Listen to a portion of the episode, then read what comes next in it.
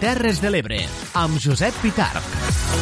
Bon dia, què tal? Els donem la benvinguda a una nova edició del programa informatiu El dia Terres de l'Ebre, un magazín que des d'ara mateix i fins al punt de les 4 de la tarda té la finalitat de posar al seu abast, de posar al seu servei tot allò que és notícia, tot allò que genera l'actualitat al nostre territori. És un programa, com els dèiem, que cada dia vostès poden seguir a través de sis dials, a través de sis emissores municipals de ràdio i els companys i companyes de cadascuna d'aquestes emissores que, en definitiva, són els que el fan possible.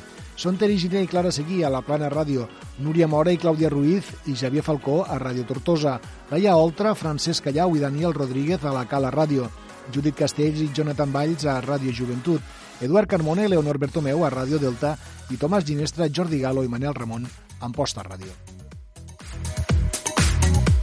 Com els dèiem, aquest divendres també tenim la voluntat de fer-lo saber tot allò que és notícia, tot allò que és actualitat al nostre territori, unes notícies que en el dia d'avui, en aquest divendres 13, 13 de març, té els següents titulars.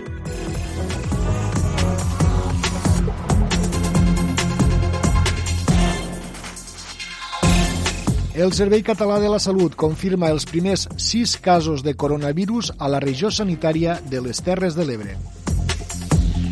Restringeixen a Tortosa les visites dels familiars als centres mèdics de titularitat municipal i aïllen els malalts més vulnerables.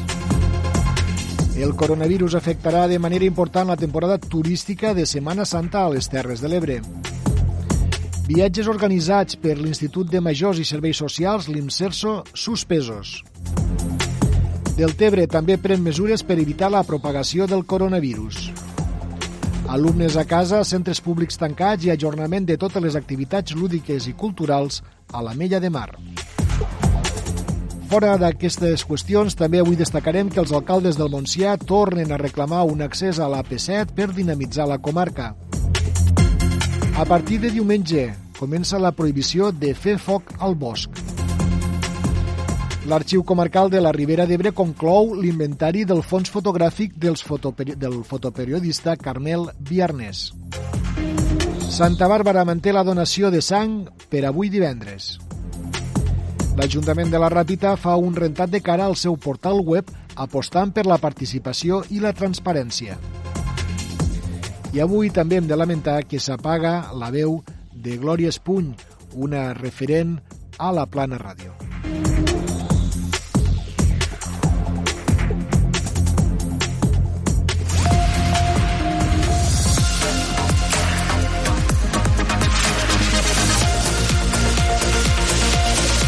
Al dia, les notícies de les Terres de l'Ebre.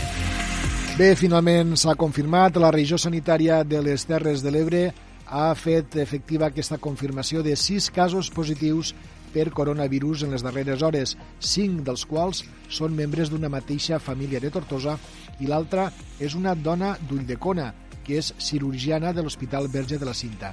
Això ha obligat a anul·lar les intervencions quirúrgiques no urgents i a reestructurar el servei del centre hospitalari. Ha seguit la roda de premsa d'aquest matí la nostra companya Núria Mora. De les sis persones que han donat positiu de coronavirus a les Terres de l'Ebre, només n'hi ha una que està ingressada a l'Hospital Verge de la Cinta. Es tracta d'una dona de 69 anys que presenta patologia més greu, però està estable. La resta estan lleus i en aïllament i seguiment domiciliari. Són tres dones de 75, 48 i 18 anys i un home de 52. Aquestes cinc persones de la mateixa unitat familiar s'haurien contaminat en un viatge a Conca amb familiars que també han donat positiu del Covid-19. Així ho ha confirmat la delegada de Salut a les Terres de l'Ebre, Mar Lleixà. Els primers sis casos confirmats al nostre territori érem l'únic territori que encara no teníem cap cas confirmat i en aquest cas estos casos són una dona de 30 anys resident a Uidecona en sintomatologia lleu i que està en aïllament domiciliari. A més a més, tenim tota una unitat familiar de 5 persones que tenen l'antecedent epidemiològic d'un viatge a Conca on una de les persones on, en la que van estar en un contacte estret va ser una persona que també va donar positiu al coronavirus. La sisena contagiada és una cirurgiana de l'Hospital Verge de la Cinta de Tortosa de 30 anys i resident a Ulldecona, però que es desconeix com ha pogut contreure la malaltia. També té simptomatologia lleu i està en aïllament domiciliari. Això ha obligat a aïllar també a domicili durant 14 dies a tots els membres de l'equip de cirurgia del centre hospitalari. Són 18 professionals, entre els quals hi ha altres cirurgians, anestesistes, personal d'infermeria, auxiliars i saladors. Per aquest motiu, el servei quirúrgic de l'Hospital Verge de la Cinta s'ha reorganitzat. S'han anul·lat totes les intervencions que no siguin urgents i s'unifica a Tortosa a partir de les 3 de la tarda d'avui el servei dels hospitals Verge de la Cinta i d'Amposta per cobrir les baixes dels metges confinats. Marc Lleixà. Això va comportar que haguéssim de prendre mesures i com és que a partir d'avui a les 3 de la tarda el servei de cirurgia de l'Hospital de Tortosa Verge de la Cinta i de l'Hospital Comarcal d'Amposta passarà a ser un servei únic per poder donar resposta a, a totes aquelles necessitats de la població de eh, Baix Ebre i Montsià referent a, a cirurgia. Eh? Per tant, garantim el servei, però evidentment eh, funcionarem com un servei únic i com estava dient, eh, això ho teníem ja eh, preparat eh, eh, per si ens havia de fer falta també eh, dir-vos que evidentment no pensàvem que seria tot tan ràpid. Eh? D'altra banda, l'Hospital Verge de la Cinta també ha pres altres mesures excepcionals, reprogramant visites o fent atenció mèdica a través de telèfon i mantenint només intervencions de caràcter urgent i oncològic. L'objectiu, segons la directora de l'Hospital Verge de la Cinta de Tortosa, Maria José Rillo, és disminuir l'activitat de l'hospital per protegir els professionals de la salut, però també la població amb més risc de contraure la malaltia. Com a mesures excepcionals, el que estem fent és totes les visites presencials preferents s'intentaran fer o almenys fer-se per telèfon, totes les visites successives també intentaran fer-se per telèfon i si no se reprogramaran en el temps més aviat possible, al igual que totes les intervencions quirúrgiques no oncològiques i no urgents. Estem intentant disminuir l'activitat de l'hospital, no per estos sis casos, sinó per intentar protegir primer professionals, perquè sabeu, com estem dient, eh, que és una de, de les de, de les persones que més estan afectant i que per tant hem de protegir perquè són els professionals els que es tenen que atendre a la població. Però tenim un 20% de població que potser sí que, que patirà patologia greu per a nosaltres este 20% no és un número, són els nostres pacients, són els nostres pacients vulnerables, són els nostres iaios i són la gent a la que volem protegir i és per això que estem preparant l'hospital per poder atendre aquests pacients quan arriben. Des de Salut s'ha demanat responsabilitat a la ciutadania i sobretot que es prenguin mesures d'autoprotecció per contribuir a contenir la propagació del coronavirus. Per la seva banda, el delegat del govern a les Terres de l'Ebre, Xavier Pallarès, també ha demanat tranquil·litat a la ciutadania que es prenguin les mesures que es recomanen des del govern i sobretot que es cancel·lin totes aquelles activitats que siguin prescindibles. Moltes gràcies, Núria. I nosaltres seguim a Tortosa perquè l'alcaldessa de la ciutat, Meritxell Roger, va anunciar ahir algunes de les mesures preses als equipaments municipals per tal de prevenir l'expansió del coronavirus. Les més importants s'han dut a terme o es duen a terme als centres hospitalaris de titularitat municipal. No és així, Clàudia Ruiz? Exactament. Parlem de la Clínica Terres de l'Ebre i de l'Hospital de la Santa Creu de Jesús. En amb dues instal·lacions s'ha procedit a aïllar els malalts amb un quadre clínic complex i vulnerable i a més s'ha tancat l'Hospital de Dia de Jesús i s'han ajornat les visites que es poden reubicar. Pel que fa a les visites de familiars, aquestes seran restringides i hauran de passar per registre, de manera més que si es presenta algun símptoma no hi assisteixin. Meritxell Roger també ha anunciat l'anul·lament dels permisos del personal sanitari. L'escoltem. També eh, pres eh, una mesura d'anul·lar les vacances i els permisos al personal sanitari per tal de poder tindre a tothom disponible en cas de necessitat i s'ha tancat també l'activitat de cafeteria als centres mèdics. Mm, dit eh, com estem en l'àmbit de salut, també voldria recordar i tenim present que la Clínica Terres de l'Ebre té servei d'urgències que també la recomanació que ens estan fent des del mateix govern de la Generalitat també la vull fer com a alcaldessa que és que no s'ha d'anar directament a cap centre mèdic en cas de que hi hagin símptomes de, que indiquen un contagi per coronavirus, sinó que trucar al 061 i a partir d'aquí es donaran les indicacions pertinents. Aquestes i altres mesures preventives les han des de la comissió de seguiment constituïda aquesta setmana amb el responsable mèdic, el doctor Pallija, gerent director de GESAT i cap de l'àrea de salut. En aquesta comissió també s'ha decidit tancar durant 15 dies per ara els equipaments municipals com pavellons, el complex Guin, la biblioteca, museus o l'Auditori Felip Pedrell, entre d'altres. Han remarcat que, tot i no obrir al públic, s'hi mantindrà en funcionament de forma interna. Roger ha volgut remarcar que es tracta de mesures totalment preventives. Tot això, eh, remarcar-ho i després ho tornaré a remarcar al final, eh, són mesures preventives, eh? no tenim cap cas, per tant, eh, a dia d'avui no hi ha res que ens faci estar amb alerta, però sí que és evident que vist el que està succeint a la resta del país hem d'estar amb molta prevenció i per tant prendre totes les mesures possibles que ens permetin que no hi hagi cap cas i, i que no hi hagi cap extensió d'aquest cas. Eh, L'objectiu, evidentment, és que hi hagi el mínim contacte possible entre persones i sobretot entre persones que es puguin congregar amb diferents activitats. Es mantindran els punts d'atenció a la ciutadania des de l'Ajuntament amb mesures, això sí, com l'augment de la distància de seguretat o el reforç de neteja d'espais. Demanem, però, que només s'hi assisteixi per fer tràmits molt urgents.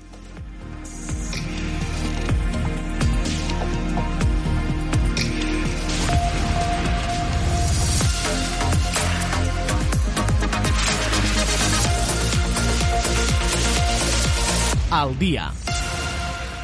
Doncs en aquestes primeres cròniques hem sabut com estan, en aquest cas, els centres hospitalaris del territori i ara volem parlar d'altres afectacions que segurament també té aquesta pandèmia.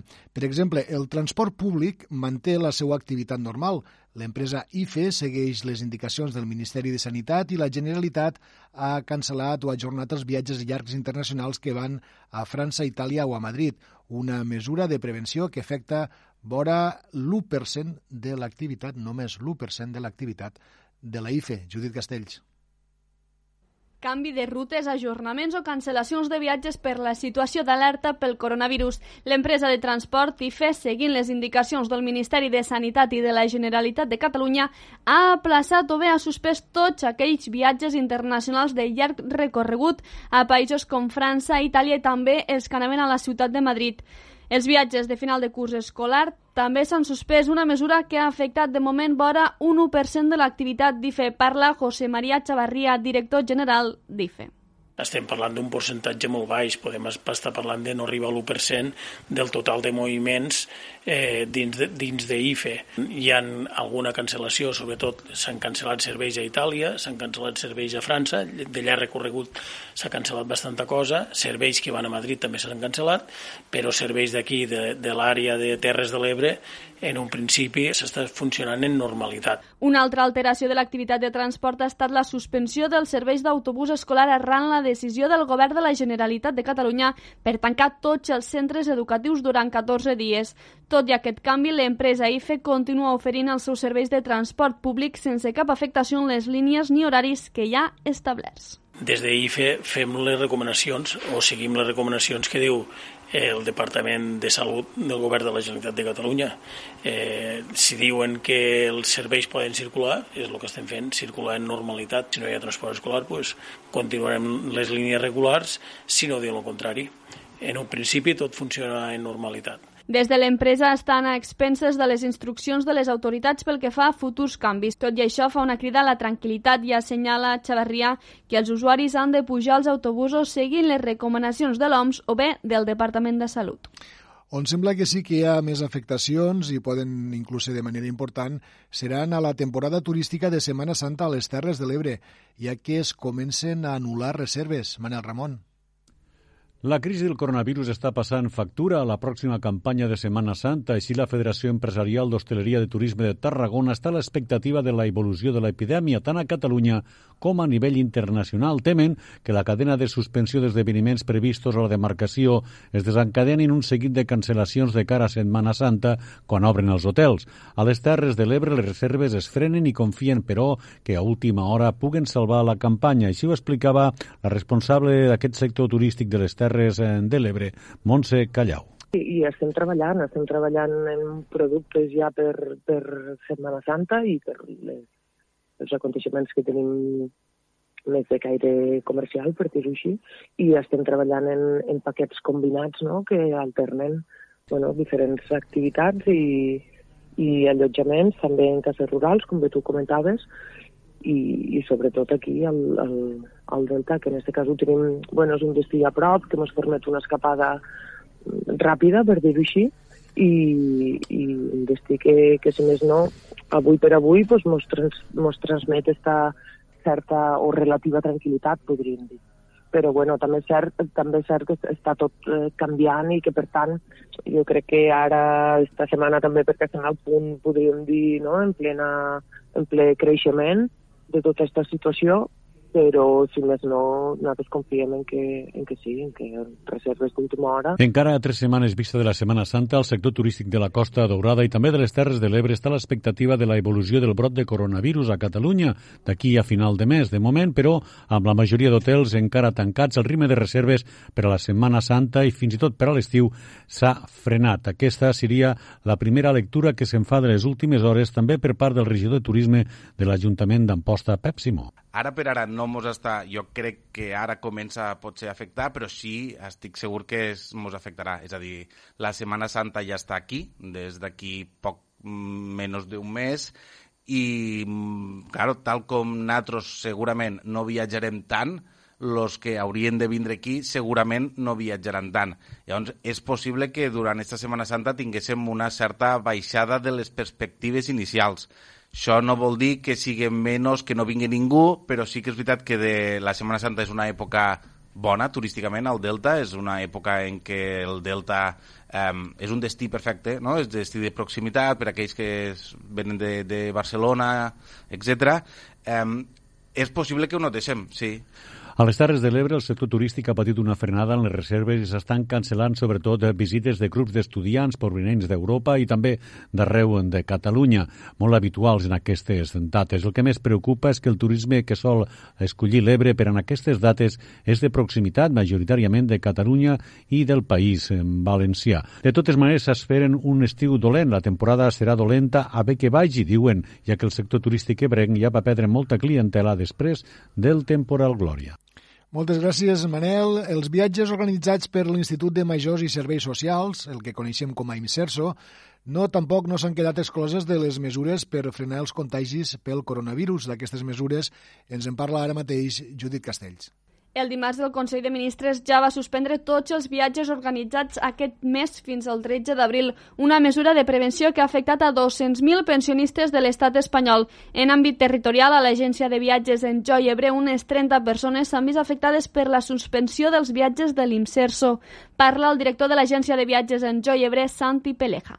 Estarem parlant d'unes 20-30 persones que es poden veure afectades per, aquest, per, una, per aquesta cosa preventiva i bueno, evidentment, evidentment això està molt repartit i bueno, a tothom li afectarà, o afectarà molta gent que estava, que estava previst o que tenia previst ara, ara viatjar. No sé si una temporada molt alta, però, però sí que afecta, afecta. Evidentment hi haurà gent que no podrà viatjar. El director de l'Agència de Viatges en Joiebre ha explicat que estan seguint les mesures que dicta el Ministeri de Sanitat. Pelejar, però, ha assenyalat que les persones que se troben en aquests moments de viatges no els han obligat a retornar els que ara estan gaudint de, dels programes de l'Inserso, durant aquesta setmana o les setmanes passades, continuaran fent, o sigui, que no, no envien els que ho estan fent ara, sinó que a partir d'ara a partir d'ara no anirà ningú fins al 13 d'abril perquè és el que ells també marquen en el tercer apartat del comunicat, i que ells estan convençuts de que a partir del 14 d'abril ja continuen altra vegada tots els programes.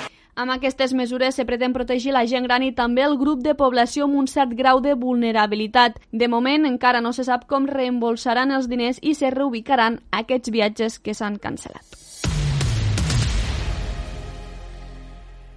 Continuem parlant del mateix tema. Davant de la crisi del coronavirus, l'Ajuntament de Deltebre ha pres també mesures de prevenció per evitar la propagació del virus amb el tancament d'instal·lacions municipals i dels casals de jubilats. Leonor Bertomeu. A l'ordre de tancament dels centres educatius decretat ahir pel Govern de la Generalitat, el Govern de Deltebre ha procedit al tancament de diferents equipaments municipals fins a nou avís. A partir d'avui romandran tancades les instal·lacions del Centre Esportiu del Delta, la Biblioteca Delta de l'Ebre, l'Escola Municipal de Música i s'han aturat les activitats dels casals de la gent gran. En conseqüència, han quedat cancel·lats tots els actes culturals, festius i esportius previstos els pròxims 15 dies al municipi i des de l'Ajuntament es recomana a entitats i associacions evitar activitats col·lectives. A més, el consistori ha habilitat un espai d'informació a la pàgina web de l'Ajuntament amb tota la informació i recomanacions per evitar l'expansió del Covid-19. I és que ja sabem que les mesures per contenir el coronavirus s'estan intensificant. A partir d'avui, per exemple, com ja s'ha anunciat, es tanquen preventivament els centres educatius i els equipaments municipals i es cancelen eh, totes les activitats culturals i socials. Així ho ha decretat el Departament d'Educació i també l'Ajuntament de la Cala, respectivament. Fins ara, a la Mella de Mar no s'ha detectat cap cas de Covid-19 ni hi ha tampoc cap persona confinada. Francesc Callau. Més d'un miler d'alumnes caleros estaran almenys 15 dies sense anar a classe. L'Escola Sant Jordi, l'Institut Candelera, l'Escola Nàutico-Pesquera de Catalunya, la Llar d'Infants Xerinola i l'Escola Municipal de Música tanquen avui les seves portes dues setmanes. Això implicarà també la suspensió del transport escolar i de les activitats extraescolars. A partir d'avui, les instal·lacions esportives municipals també estan tancades al públic. Això afecta tant el CEM La Cala com el camp de futbol i el poliesportiu. L'Ajuntament també tanca fins a nou avís el Casal d'Avis, la Biblioteca Doctor Frias, l'Espai Jove Bon Repòs i el Telecentre, suspenent totes les activitats que es realitzen en aquests espais municipals. Així mateix demana a totes les associacions i entitats de la població que ajornin les seves activitats seguint les recomanacions oficials. De fet, ja s'han suspès totes les activitats culturals i lúdiques programades de cara als pròxims dies al municipi. Jordi Gazani, alcalde de la Mella de Mar, ha demanat la col·laboració de tota la ciutadania per seguir les recomanacions. I també el que volem dir doncs, eh, des de l'Ajuntament és que eh, bé, doncs, tindré aquesta responsabilitat eh, doncs, que col·lectiva col·lectiva eh, doncs de, de atendre estos eh, consells eh, doncs que se'ns fa arribar també i eh, des, de, des de la prudència, però també doncs, eh, des de la tranquil·litat eh, doncs, que, que hem de posar una mica entre tots eh, de poder doncs, superar eh, doncs, este batxe eh, que, que en principi eh, doncs, a la Mella de Mar eh, doncs, no, no hi ha res eh, encara eh, doncs, eh, greu que, que, que poguéssim estar doncs, eh, eh, moltíssim preocupats, però sí que és bo eh, doncs, que hi hagi aquesta prevenció i prendre-nos-ho una mica doncs, de, la, de la millor manera possible perquè entenem eh, doncs, que eh, suposarà doncs, un esforç eh, per exemple, per a les famílies, evidentment, eh, doncs, eh, poder eh, haver de tancar el que són les escoles o l'institut, Eh, i fins i tot doncs, a la llar d'infants. Eh? Eh, però també doncs, demanar eh, doncs, especialment doncs, a, a les famílies doncs, que féssim tots un esforç. Per la seva part, el CAP ha començat a reorganitzar la seva activitat sanitària per minimitzar els riscos als usuaris i poder donar la millor atenció. Es recomana no anar presencialment al centre de salut si no es tracta d'un motiu estrictament imprescindible. Les mesures de prevenció també s'han intensificat a la residència Lonada, on s'ha recomanat que no hi hagi visites als usuaris.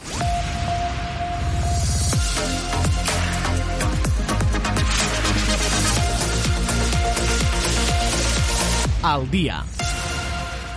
Abans de continuar amb altres temes, també avui, avui voldríem destacar-los que el Consell Nacional d'Unió de Pagesos, que és el màxim òrgan del sindicat, ha decidit ajornar la mobilització prevista per al dissabte dia 21 de març a Tarragona com també la del dijous 26 de març a Madrid, a favor d'una política agrària comuna per a la pagesia professional i pel repartiment just del sector en la cadena alimentària, entre altres qüestions, com a conseqüència de les mesures de les administracions per combatre la propagació del virus, entre les quals hi ha la prohibició del govern de concentrar més de 1.000 persones.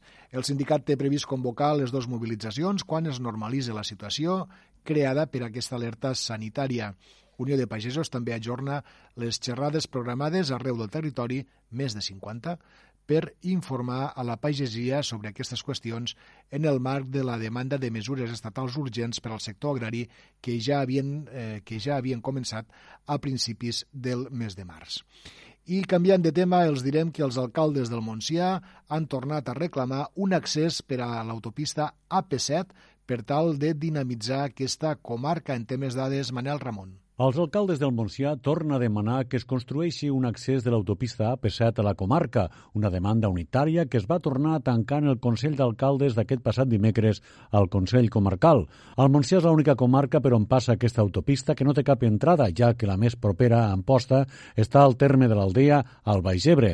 La correcció d'aquest greuge suposaria noves oportunitats per dinamitzar el teixit socioeconòmic de la comarca, ja que doncs, denuncien que amb la comarca aïllada de la AP7 suposa una pèrdua d'oportunitats per a molts sectors. L'alcalde d'Amposta, Adam Tomàs, explicava doncs, que aquesta seria una bona solució per a la comarca i també per a la capital del Montsià. L'escoltem. A nosaltres, sincerament, com a ciutat, mos aniria molt bé perquè mos dona una entrada directa pràcticament al polígono de, de Tosses i, per tant, mos dinamitzaria bastant. Eh, se pot aprofitar una infraestructura existent, que és esta rotonda i el pont que creua l'autopista i per tant eh, pràcticament s'hauria de fer eh, ben poca cosa, a més com no s'hauria de fer peatge pues, se redueix el cost no? de quan se demanava fa temps, com no s'ha de fer peatge ara, eh, i per tant per a nosaltres a favor de, de, de poder-ho fer.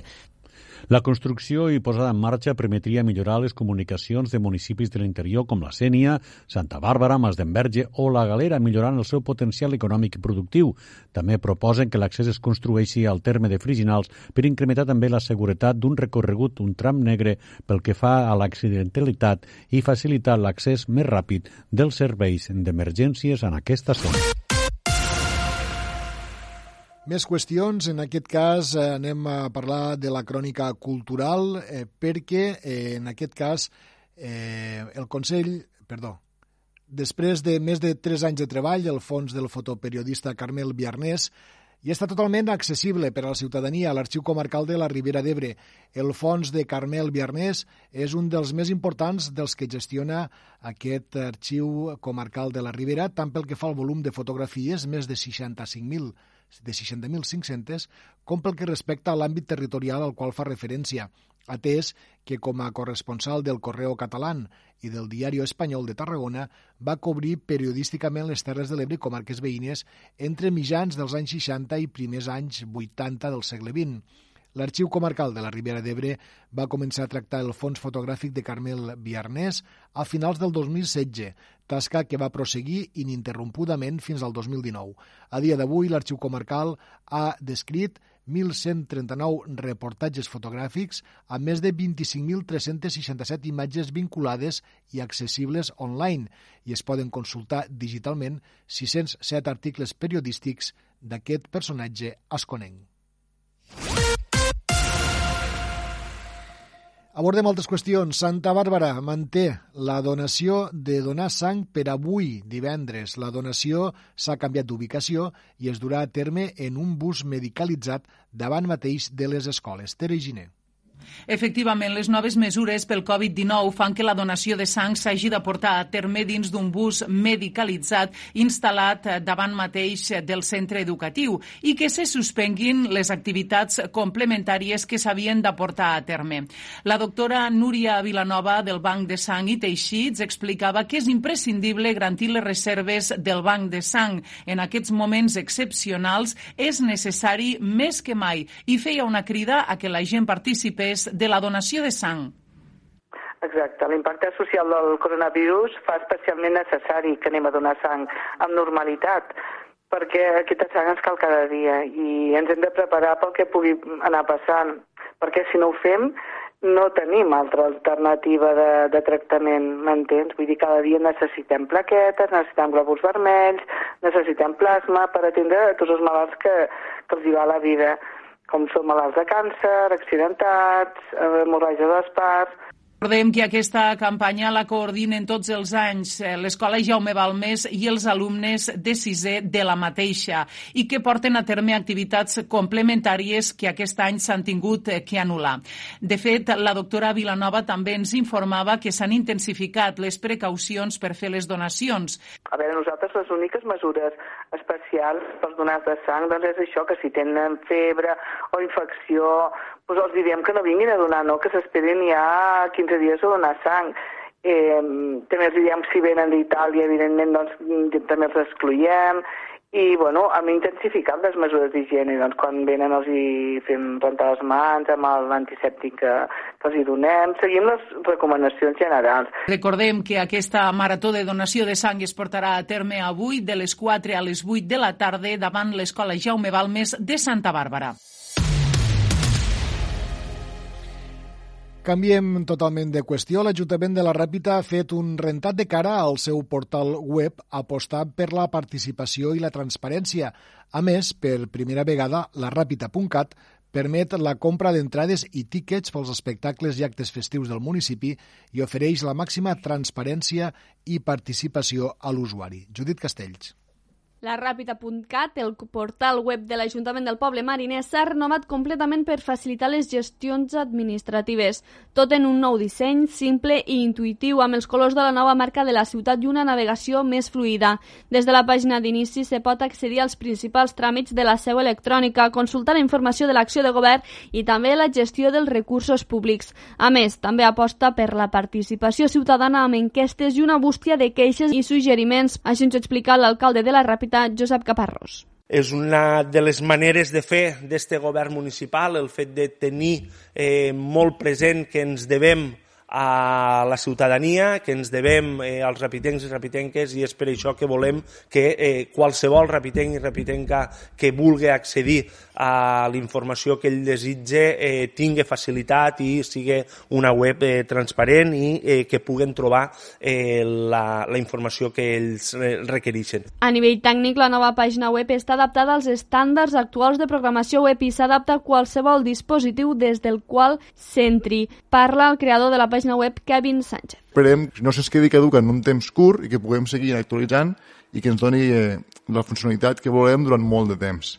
Una gran millora també és que la web és totalment responsive, és a dir, adaptable a qualsevol tipus de dispositiu, ja sigui mòbil, tablet, bàsicament dispositius grans, els extra large que tenim avui dia molts quan treballem.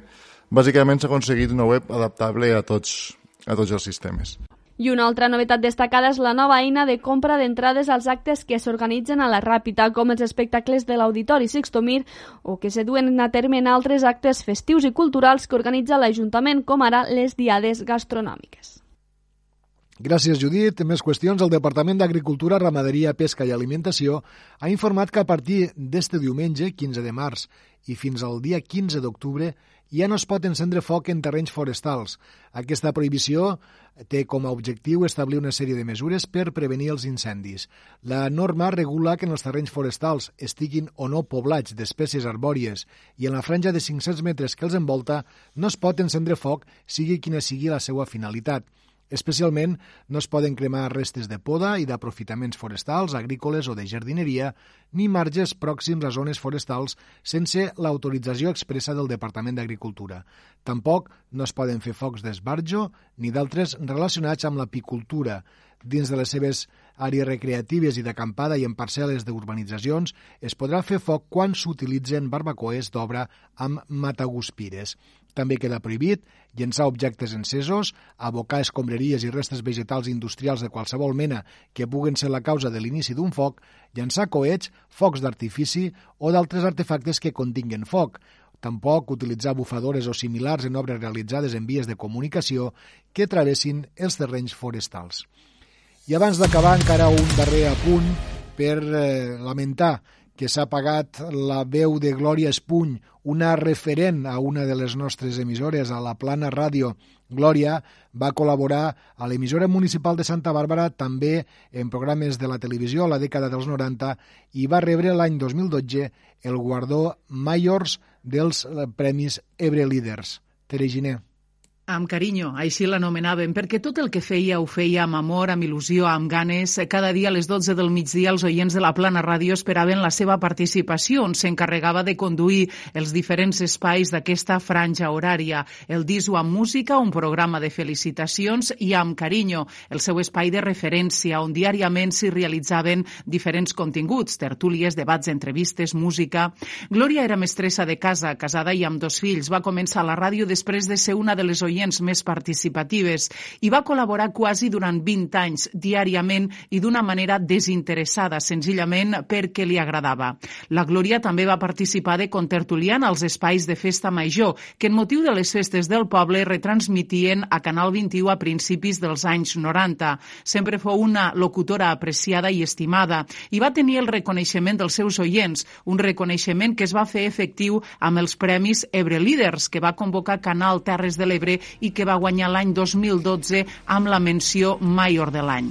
Va deixar la ràdio per motius de salut, però el seu vincle seguia amb trucades eh, o sent-ne una bona oient. Aquesta matinada ens ha deixat que durant molts anys fou una de les veus més entranyables de la plana ràdio. De moment no podem avançar quin serà el dia del seu comiat perquè les mesures arran del Covid-19 fan que possiblement s'hagi d'aplaçar. Ens ha deixat una estrella de la ràdio que ara, sense dubte, brilla al cel.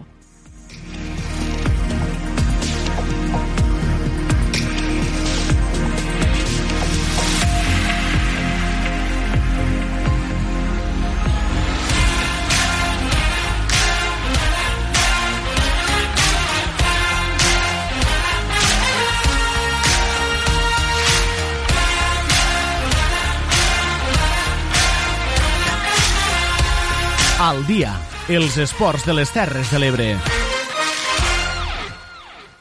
Bé, pel que fa als esports, avui la veritat és que eh, només tenim una notícia. Ja saben que des de fa uns dies s'ha decretat la suspensió de tota pràctica esportiva, també d'entrenaments, de eh, competicions, de campionats. Per tant, avui el que podem oferir-los en l'apartat de les notícies de l'esport és un partit que ja es va disputar fa uns dies, el femení de l'Alcanà, que es desplaçava a Vall de Robles per afrontar la 19a jornada de futbol femení F7 de les Terres de l'Ebre davant de l'Arnes B, un partit disputat fora de l'habitual pel que fa a l'horari, ja que jugaven a les 2 de la tarda, fet que va beneficiar les canareves per la temperatura. Tot i la intensitat amb què van començar les locals, van aconseguir una jornada més destacant el marcador, esta vegada, esta vegada amb un contundent i clar 0 gols a 7. Clara seguir. Així és, el partit va començar complicat, ja que l'Arnes B va sortir a pressionar dalt, dificultant el joc proposat per les canareves. Les locals van començar les jugades amb intensitat i a això se li va fer així que hi havia moltes ràfegues de vent que no deixaven jugar en llarg ni amb comoditat les canareves. Tot i això, amb esforç, el femení Alcanà va notar quatre gols abans de marxar al descans. A la represa, el joc de les canareves no va ser fluid, però sí efectiu. Així van pujar tres gols més al marcador, acabant la jornada 19 de competició a Vall de Robles amb un 0 a 7. Vam ser dominadores del partit. Ens va sorprendre una mica perquè l'Arnes B ens va pressionar dalt, quan normalment els equips que estan per la part baixa de la classificació no ho fan, se, se solen tancar detrás, però elles van sortir a pressionar-nos dalt. Eh, nosaltres vam jugar prou bé la pilota i això va fer que, que poguéssim anar fent gols eh, pujant al marcador i anéssim al descans en un 0 a 4 a favor nostre. A la segona part, eh, degut al mal temps també i, i que, que el partit no era molt intens, vam baixar una miqueta al nivell i això va fer que no juguéssim tan bé. Però tot i això també vam continuar sumant, acabant en un 0-7 a favor nostre i, i res més, un partit més per anar seguint allà de la part alta de la classificació. La capitana del femení Alcanà també destacava el fet que un partit més hagin pogut mantenir la porteria a zero, demostrant així el bon treball defensiu i destacant les dos grans porteres que tenen. Amb aquest resultat, el femení Alcanà se situa en segona posició amb 54 punts i la plana de Santa Bàrbara, després de guanyar el Jesús i Maria, lidera la classificació també amb 54 punts. Les pròximes setmanes, la Federació Catalana de Futbol ha suspès també aquestes competicions i des del femení Alcanà resten a l'espera de rebre indicacions sobre la continuació dels entrenaments.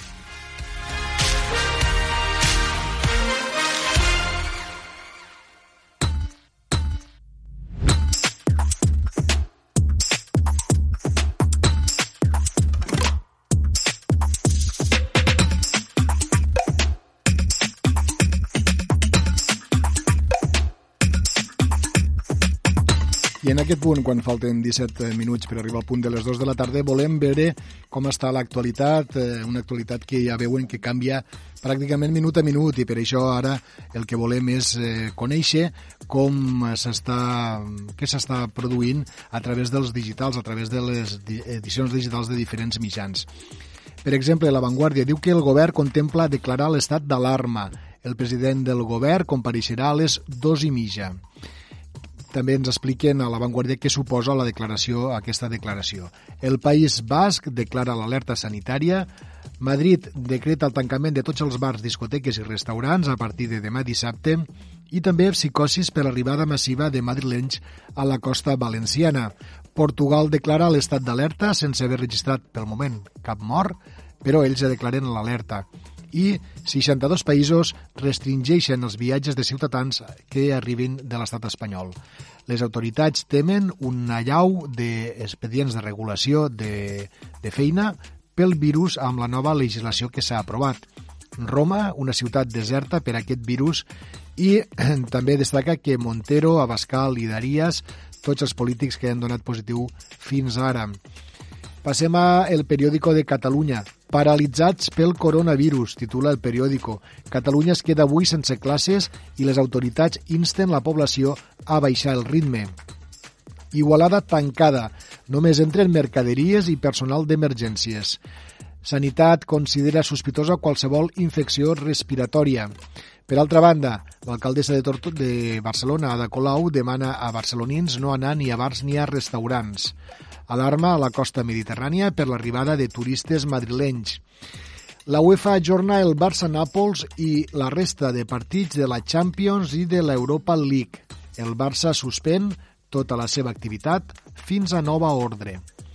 Més qüestions. Els Mossos diuen que estan preparats per si és necessari confinar tota Catalunya.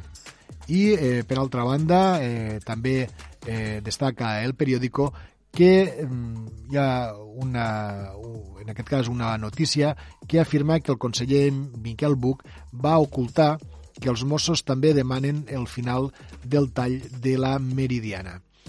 Passem en aquest cas al punt avui. En l'edició digital, aquest rotatiu diu que Educació estudia facilitar càterings freds a les famílies amb beques menjador durant el tancament d'escoles. El conseller explica que en el cas de les escoles especials s'avalua cas a cas si es mantenen obertes o no. El conseller Bargalló deixa clar que tot el que es faci aquests dies online no és avaluable. Es confirma un nou cas entre les persones de Lleida que van viatjar a Benidorm. També Colau demana responsabilitat i no anar a bars i restaurants. Igualada fa una crida a metges jubilats o de vacances perquè vagin a ajudar a l'hospital. I l'arquebisbe de Barcelona, Omella, demana a la gent gran, malalta o afeblida, que no vagin a missa. Cues als controls de sortida dels Mossos dels pobles que han estat confinats a la comarca de la Noia. I el Gremi de la Restauració diu que vol indicacions inequívoques. Eh, vol que se'ls ho diguen clar si han de tancar o no. El Lendacari Urcullu decreta l'estat d'emergència sanitària a Euskadi. Passem a un altre, en aquest cas mitjà digital, a eldiario.es. El govern es prepara per a declarar l'estat d'alarma pel coronavirus. Què suposa aquest estat d'alarma? També ho expliquen. Euskadi decreta l'alerta sanitària i aplica per primera vegada una llei que pot derivar en confinament. Madrid tanca restaurants i bars de tota la regió a partir de demà dissabte. Portugal, amb 112 contagiats, declara l'estat d'alerta tanca col·legis i posa restriccions als restaurants. També diu que l'IBEX rebrota després de l'històrica patacada que es va donar ahir dijous. Els 65.000 habitants de la zona d'Igualada eh, desperten avui confinats. També un home de 88 anys al que els metges van recomanar aïllament a Madrid viatja a Múrcia i acaba ingressat a l'UCI. També les lliçons que d'Itàlia ens eh, poden servir per a combatre aquesta pandèmia al nostre estat, a l'estat espanyol. Bars i restaurants al, al precipici pràcticament, ja que molts de propietaris diuen que això pot suposar un cop molt fort per a les seues economies. I eh, en aquest cas eh, també destaquen mm, que les botigues xineses que no tanquen pel Covid-19 eh, molt, eh, estan molestes que els espanyols no s'ho prenguin seriosament, diuen aquestes empleades de botigues eh, xineses. I a El Nacional destaquen que el ministre Illa actualitza les xifres d'afectats pel coronavirus a Espanya. Els Mossos treballen amb escenaris com un tancament global a tota Catalunya. Madrid abaixa persianes a bars, restaurants i locals d'oci pel coronavirus, eh, que per cert a Madrid eh, s'ha disparat, ja hi ha 40 morts i 2.000 contagiats. El president Carles Puigdemont clama perquè Madrid es tanqui pel coronavirus i el País Valencià en alerta per la llau de teletreballadors madrilenys. També Igualada viu el primer matí de confinament, carrers buits, mercats oberts i cues de cotxes, i la consellera Àngels Chacón està confinada voluntàriament a Igualada, que és la seva ciutat, la seva ciutat natal. També diu que el Barça suspèn tota la seva activitat fins a nou avís i fora d'aquest àmbit, garrotada de l'ONU a Espanya reconeix els catalans com a minoria nacional. I, per altra banda, el Tribunal de Justícia de la Unió Europea declara que el jutge Llarena va vulnerar el dret dels exiliats.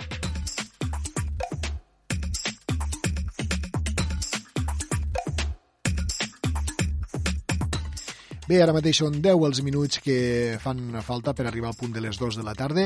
Fem ara una breu aturada, anem a sentir una peça musical, després tenim la desconnexió publicitària i, els, i les notícies dels companys de la xarxa, als quals cal estar molt atents. Nosaltres tornem a la segona part del programa a partir de les 2 i 4 minuts.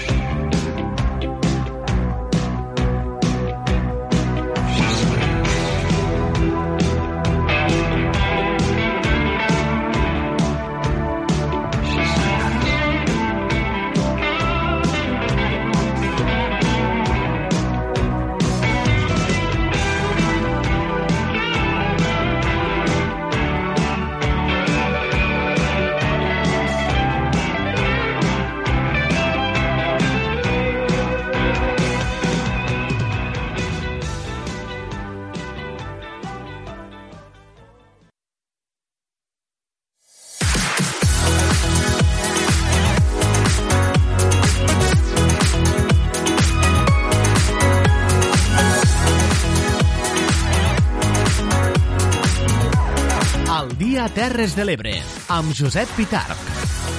Tornem a saludar-los. Ara mateix són les 2 i 5. Continuem el programa El Dia Terres de l'Ebre, un programa que ja saben que vostès poden escoltar a través de la Plana Ràdio a Santa Bàrbara, de Ràdio Tortosa, de la Cala Ràdio a la Milla de Mar, de Ràdio Joventut a Mas d'Enverge, de Ràdio Delta del Tebre, també a través d'Amposta Ràdio. Eh, comencem aquesta segona hora i ho farem de la mateixa manera que hem iniciat el programa, recordant-nos, repassant quines han estat les jornades, les, perdó, les notícies més destacades en aquesta jornada de divendres 13 de març.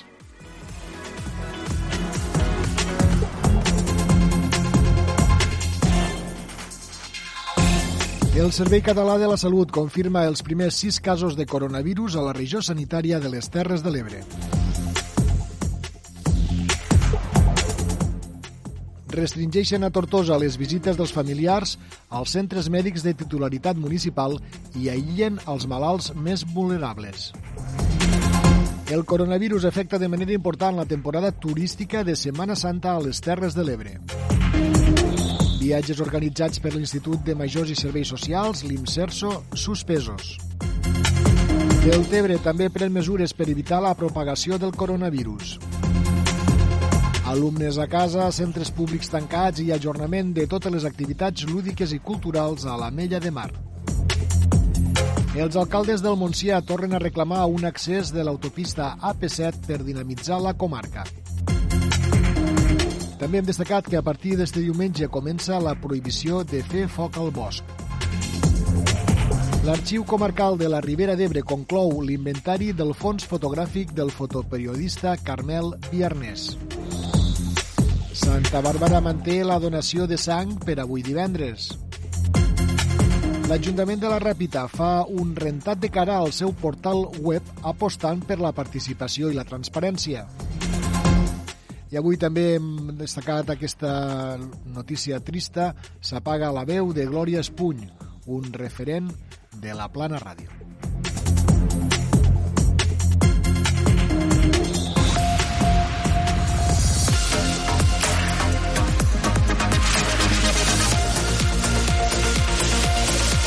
Al dia.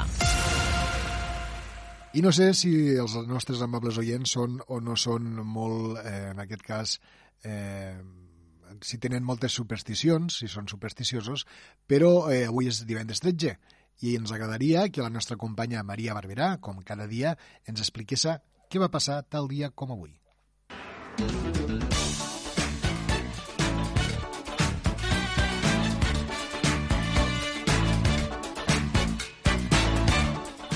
Molt bones, benvingudes i benvinguts de nou a l'espai d'efemèrides, on repassarem els fets ocorreguts tal dia com avui, 13 de març. Comencem el 13 de març de 1781, quan l'astrònom germànic anglès William Herschel va observar per primer cop a Urà, l'ubica a la constel·lació de Géminis i l'observació la va portar a terme amb un telescopi de 6.450 augments que havia construït ell mateix. Al 1900 a França, un 13 de març es promulga una llei que limita a 11 hores la jornada laboral d'homes i dones.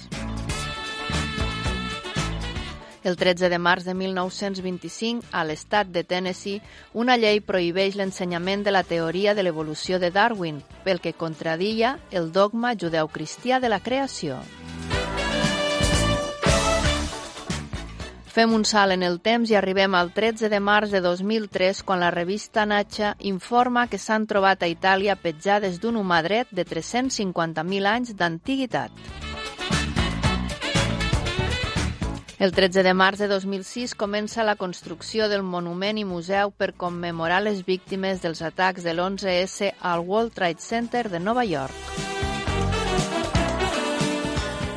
El 2013, un 13 de març, a la ciutat del Vaticà, el conclau de 2013 elegeix com a papa l'argentí Jorge Mario Bergoglio, que adoptarà el nom de Francesc. Acabem el 2017 quan un 13 de març les dues càmeres del Parlament del Regne Unit donen llum verda a la llei que permetrà a May activar el Brexit sense condició prèvia.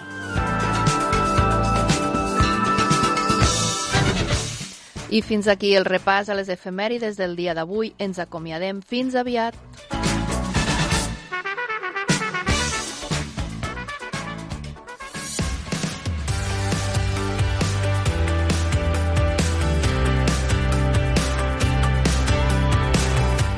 I continuem amb més qüestions al programa El Dia Terres de l'Ebre. El director de la Càtedra d'Economia Local i Regional de la Universitat Rovira i Virgili, Juan Antonio Duro, acompanyat de la presidenta del Consell Comarcal de la Terra Alta, Neus Sant Roma, va presentar ahir el butlletí d'anàlisi de la conjuntura local de les Terres de l'Ebre corresponent al quart trimestre del 2019 amb la qual cosa, i ja coneixem les dades de tot l'any, els afiliats a la Seguretat Social van augmentar un 1,5% interanual, com ve passant cada trimestre des de 2014, i l'atur ha baixat un 1,6%, però es manté en evolució lenta des de l'estiu de 2018. Els sectors que més creixen són la construcció, els serveis i la indústria, mentre que l'agricultura cau un 2,5%. Per tant, podem concloure que la desacceleració del creixement de l'economia de les Terres de l'Ebre el 2019 se consolida amb les dades del quart trimestre. Doctor Juan Antonio Duro, bon dia. Hola, bon dia.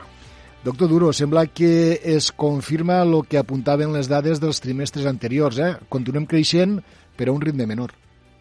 Sí, sí. Eh, els trimestres anteriors ja venien dient que continuem augmentant l'activitat econòmica, però cada cop una miqueta més, eh, una miqueta més dèbil aquest augment, i en el quart trimestre de l'any passat clarament es consolida aquesta tendència, per tant, eh, eh, l'economia de l'Ebre estava en el quart trimestre en una situació d'aterratge suau, no?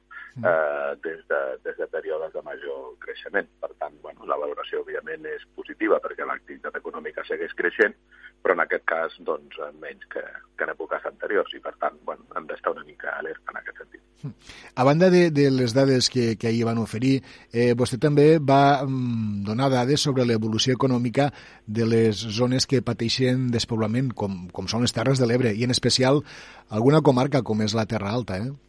Sí, sí, vam, vam aprofitar perquè bueno, a partir d'ara totes les presentacions dels butlletins inclouré una anàlisi específic d'algun tema. Mm -hmm. eh, en aquest cas ha estat el tema del despoblament i la rebaixa i la disminució demogràfica, que està molt, molt de moda, òbviament, com tots coneixem. I, a més a més, és una estratègia clara de la càtedra a partir d'ara, no? és a dir, tot el que és el coneixement d'aquests processos i tendències d'aquestes comarques. Sí, i el que van fer va ser una mica analitzar les comarques catalanes que, tenien, que tenen menys densitat de població i que han experimentat baixades de població i una mica què, els, què és el que els hi havia passat darrerament en temes de creixement econòmic. Mm. I vam descobrir que totes les comarques catalanes en aquesta situació, eren 11 o 12, totes havien experimentat creixement econòmic entre el 2012 i el 2018 i fins i tot havien augmentat moltes d'elles els cotitzats. Per tant, aquestes comarques experimenten reduccions de població amb creixement econòmic. Per tant, bueno, vol dir que, que hi ha alguna cosa més, a més a més del creixement econòmic, per aturar aquesta sagnia. Eh, abans ho comentàvem quan fem referència a les dades del darrer trimestre. Eh, un del sector que cau d'una manera més, més important uh -huh. és el de l'agricultura. Vostè plantejava que cau sí. un 2,5%. I tot i esta sí. caiguda, eh, vostè es mostra esperançat. Eh, diu que és un sector sí. de futur i que s'haurà de corregir, això sí, i activar polítiques perquè la gent jove ho vegi com una alternativa. Sens, sens dubte. Jo bueno, no, no, no, no sóc jo, és que és l'únic que ho penso, el que ho penso. Això ho pensen les autoritats internacionals eh, eh, i multilaterals. El sector agrari, i sobretot el sector agrari de qualitat i de proximitat, experimentarà una clara evolució positiva, perquè l'entorn i el context ho afavoreixen. Però no només perquè de manera creixent la gent vol consumir productes eh, produïts en, en el, en, al voltant de, de, de la zona de, de residència, eh, sinó que, que hi ha tot un escenari global a favor de la reducció en el transport dels aliments com a mesura per reduir la petjada ecològica i, per tant, com a mesura de fer més sostenible aquest planeta. Mm -hmm. I, per és... tant, aquest, això implicarà mesures de, probablement de discriminació positiva davant els productes quilòmetre zero. A més a més, la gent està, la població està creixent en molts llocs, no? I per tant en necessiten aliments. Sens dubte que és una eh, notícia d'esperança per a un sector, el de la pagesia, que darrerament no està travessant pels seus millors moments i que, sens dubte, eh, este, este futur d'alguna manera garantit els donarà, els donarà molta, molta esperança, eh, com dèiem. Mm, ja sé, doctor Duró, que, que és difícil, la pregunta que li vaig a fer ara és difícil de preveure, sí. però és un uh -huh. tema, és un tema d'actualitat. Eh, Creu vostè que la crisi sanitària que estem visquent pot tenir efectes directes sobre les economies o sobre l'economia local, en aquest cas de les Terres de l'Ebre? Sens dubte, eh, tindrà efecte sobre totes les economies, la de l'Ebre eh, també, no? El que passa és que, bueno, per la pròpia estructura d'Ebre, millor l'impacte no, no, no és tan gran, mm -hmm. però, òbviament, eh, n'hi haurà un impacte, eh, perquè s'estan, bueno, eh, això, òbviament, dependrà de la duració d'aquest episodi i de tot, tot aquest procés que hem iniciat en els darrers dies, no? però bueno, aquí hi ha molts elements que s'estan veient afectats, des de les cadenes d'aprovisionament de les empreses fins a nivell global, la incertesa, les inversions financeres, el sector del transport, òbviament, i el sector turístic. En quant al sector turístic, El sector turístic, l'impacte sobre l'Ebre, doncs, eh, probablement no serà encara molt contundent, eh, eh, pel tipus de turisme, però bueno, clar, podem esperar una Setmana Santa no? bastant tocada a nivell turístic. No? A nivell turístic tot depèn una mica de com s'allargui això eh? i, per tant, com afecti a la temporada d'estiu. Eh? Per tant, bueno, si això es manté aquest període durant un mes, un mes i alguna cosa, doncs probablement es pugui gestionar al llarg de l'any, si no la cosa, òbviament, es posarà seriosa aquest any. Però es posaria seriós, seriós a nivell de curt terme, perquè les economies venien creixent i, per tant, en algun moment retornaran a la seva època en la qual estaven abans de la crisi. Per tant, que la gent no, no pateixi, que ens recuperarem i ens recuperarem més fort, perquè normalment hi ha un efecte rebot, eh? quan hi ha un dalt a baix, eh? després l'economia i, per exemple, les borses es recuperen molt més ràpid. No? Per tant, mm -hmm. bueno, l'important és que entre tots reduïm aquest període de, de crisi, eh? perquè després segur que, que n'hi haurà una recuperació. Bé, és, una, és un territori que d'alguna manera és el que vostè deia, té uns eh, uns eh, sectors eh, econòmics que són els que són i, per tant, eh, segurament la, la, eh, la incidència d'aquesta crisi no serà tant com a altres llocs, tot i que també és d'agrair sentir paraules eh, de, eh, de, de tranquil·litat com les que vostè està dient i no mm, d'altres eh, d'altres testimonis que bueno, ho pinten una mica més, més apocalíptic. Sí, bueno, és que quan estem enmig d'una tormenta és difícil pensar que la tormenta acabarà, no? Uh -huh. Però la tormenta acabarà. No ho dubteu. No ho dubteu que acabarà. El, el, el tema que aquí ara és jugar amb el temps de, de duració de, de la tormenta. No? -huh. És molt important que la tormenta dori el menys possible. Dori un mes, com a molt, o un mes i alguna cosa, no? Perquè, clar, si dura més, els, els impactes seran espectaculars. Espectaculars, perquè, clar, els episodis que comencem a viure a partir d'avui són episodis de pseudoaturada. Ja, total, no? Ja ho diu la dita, després de la tempesta sempre surt el sol, eh? I per segur. tant... I, i, I molt més brillant a l'Ebre, segur. I eh, moltíssimes gràcies, senyor Juan Antonio Duro, per atendre la nostra trucada, per posar aquest toc eh, de calma i d'optimisme d'una situació, no només per la crisi sanitària que ens està afectant, sinó mm -hmm. també per aquest eh, sector específicament eh, com és el de l'agricultura i també, evidentment, per el despoblament que patim a les Terres de l'Ebre, que això no vol dir que, que ho tinguem, que haguem de resignar-nos, eh? que continuem endavant, continuem creixent, i això sempre són molt bones notícies. Doctor Juan Antonio Duro, director de la Càtedra d'Economia Local i Regional de la Universitat Rovira i Virgili, enhorabona novament per la feina que estan duent a terme i moltes gràcies per atendre la nostra trucada. Com sempre, un plaer.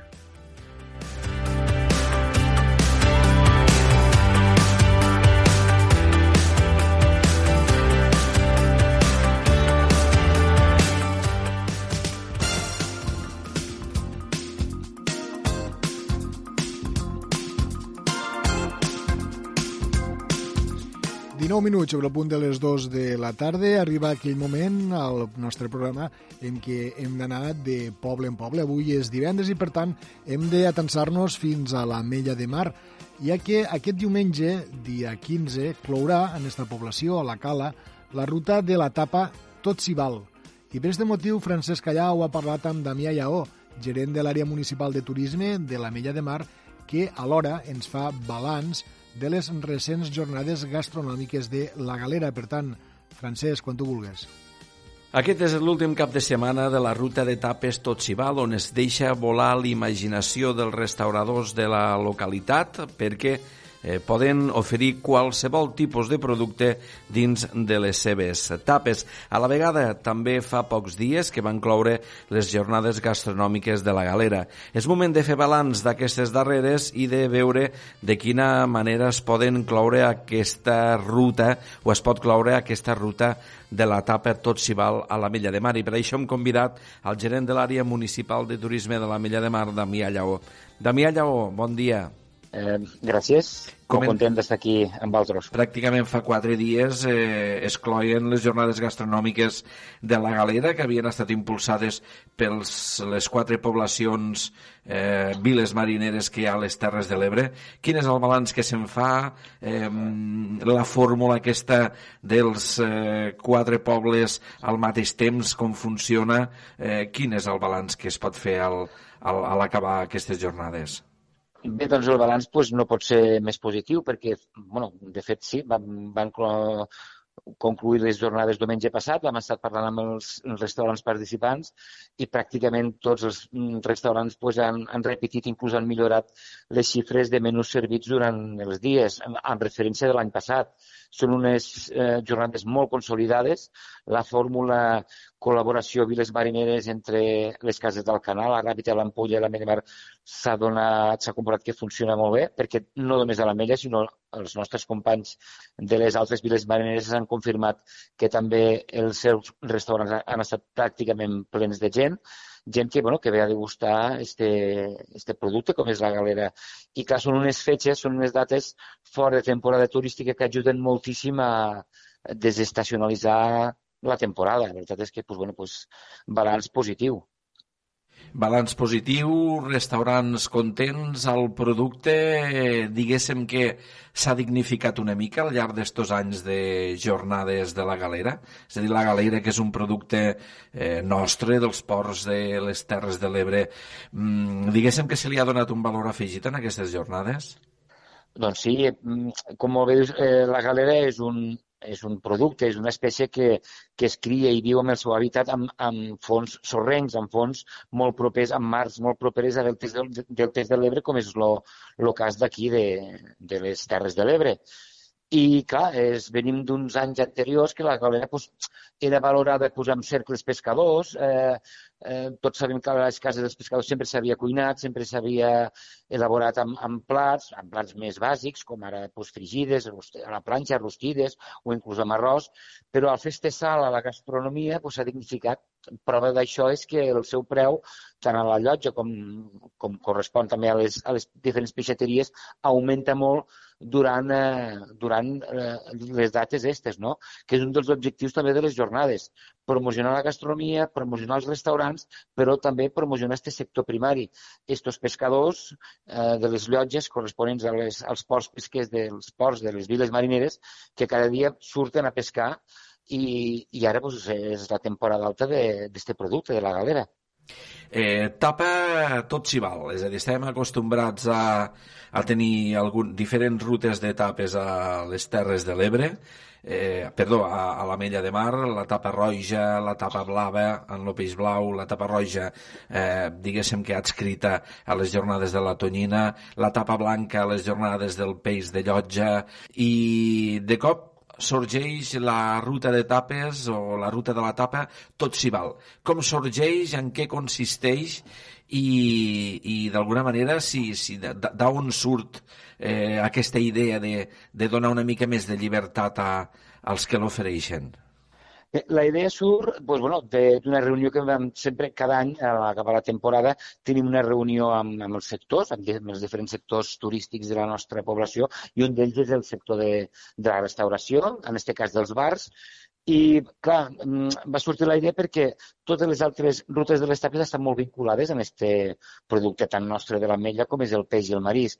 I ells mateixos van comentar podríem fer una, una, una ruta on poguéssim, eh, la nostra imaginació pogués volar una mica més i poguéssim afegir altres productes. També mm, qui, vol, qui, qui no vol sortir d'aquest àmbit mariner i pescador pot continuar i pot utilitzar productes de la mar, però eh, donem eh, el seu nom ja ho implica, ja ho indica tot, tot s'hi val, no? Llavors es pot afegir productes de la mar, de la terra, de l'or, eh, postres eh, i de fet pues, bueno, és, una, és la tercera edició ja i està bastant consolidada també i la veritat és que funciona molt bé. També és una època sortimia de la galera, abans d'entrar ja Setmana Santa, comença a fer bon temps, caps de setmanes i pues, bueno, la veritat és que els bars continuen estant molt contents. És una fórmula més, diguéssim, que per desestacionalitzar el turisme, no? Dami? Sí, sí. La veritat és que totes les accions que nosaltres portem des de l'àrea de turisme van cap a aquest camí.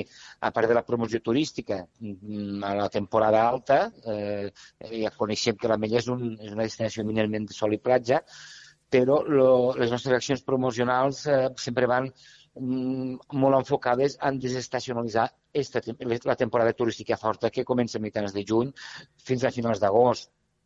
Per això sempre ens concentrem molt en organitzar jornades gastronòmiques, diades, eh, actes festius, fires fora de, fora de temporada alta, encara que després, durant l'estiu, l'Ajuntament, en aquest cas la, la regidoria de Cultura i Festes, fa actes per a dinamitzar quan la gent ja està aquí, però des de turisme, des de l'àrea de turisme, enfoquem sempre molt mm, fora de temporada aquestes accions. No? Eh, unes accions que passen per una ruta d'etapes que aquest any és seguida per quants bars o restaurants, Dami? Hi ha en total 11 bars i restaurants de la població. Eh, està el Burger 3, Calecris, Cervejeria Calfeliu, Duque Restaurant, Merino, Mosset, Petit Café Delia, el Pica Pica, el Poniente, el Salmoreno, el Xuxi Bar. I eh, la gent que participin a, en aquesta en aquesta ruta i en pleni en bars diferents dels cinc tampons que trobaran a les butlletes, entraran en sortejos de menús gastronòmics de, a les properes jornades i també de 10 tonaturs dobles, gentilesa de Tonatur Grup Alfegó. Eh, Dami, eh, per tant, ens podem trobar, mm, per exemple, què ens podem trobar en una de les tapes que ofereix aquesta ruta Tot s'hi val? Bé, ens podem trobar des de mini, una mini hamburguesa a l'Oporto, ens podem trobar brocheta tall de pollastre, ens podem trobar també uns tacos de bacallà amb reducció de pebrot del piquillo, ens podem trobar també una tapa eh, pels vegetarians, que són és crestes de, de pera, nous i roquefort.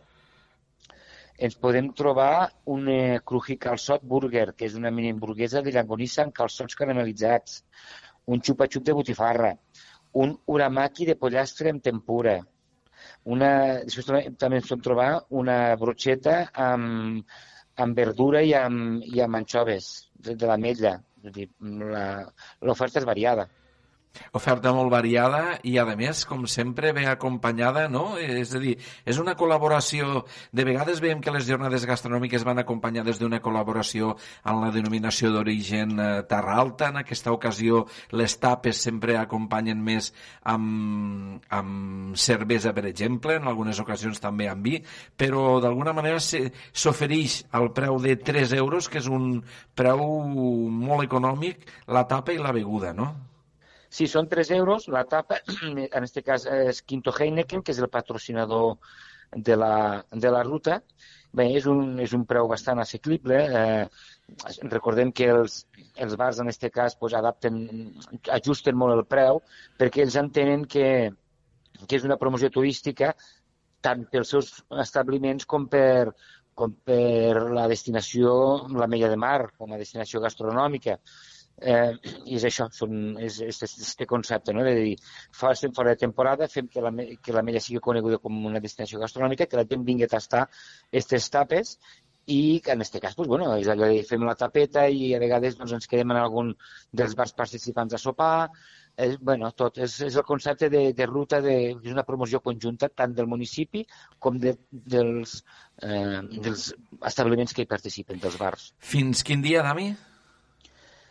Bueno, doncs fins, fins al diumenge que ve, fins al 15 de març. De... Doncs, Damià Llavó, moltíssimes gràcies, gerent de l'àrea municipal de turisme de la Mella de Mar. Molt bé, gràcies a vosaltres.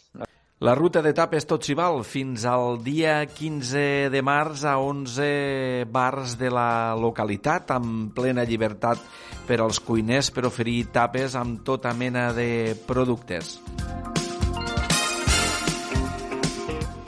Moltes gràcies, Francesc, per aquesta entrevista que ens acabes d'oferir, aquest balanç, podem dir, pràcticament, eh? d'aquestes jornades que s'han dut a terme a la Mella de Mar, encara queda este cap de setmana, esperem, esperem que pugui eh, celebrar-se en tota normalitat, donat la, la que està caient, no?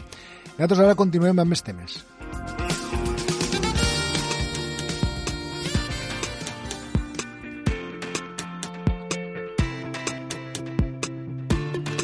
Ara mateix en punt les dues i mitja de la tarda. Avui anem cap a la secció d'identitats on el nostre company Eduard Carmona des de Ràdio Delta parlarà amb una persona coneixedora com poques de la realitat actual del Delta de l'Ebre, però també de la realitat referent al passat d'aquest espai.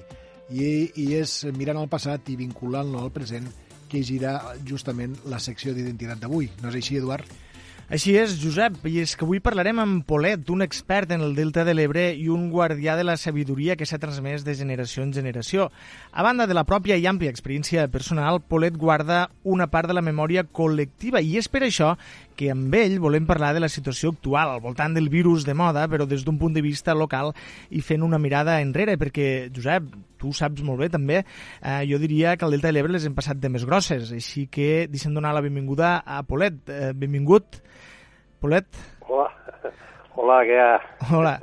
Uh, la pregunta és, és esta, no? Així, el, el Delta, nosaltres les han passat més grosses, no?, aquesta que, que estem passant ara, històricament. Home, aquí, per almenys tan espectacular com esta, no. Sí, ah. eh, eh, els mitjans de, de divulgació que hi ha, no, aquí han hi hagut èpoques me, me, molt futures, el mm -hmm. temps del paludisme, va ser molt, molt gros. Mm -hmm. Vull dir, eh, jo me'n recordo una vegada, eh, jo vivia fora, hi ha un poble que es deia Oliana. Oliana, eh, eh, sí. allà dalt, la, hi ha un pantà, no? Sí, molt bé. Mm -hmm. Vivia allà, que estava un temps vivint allà, que jugava a futbol allà, i eh, els estius venia tots els caps de setmana a casa.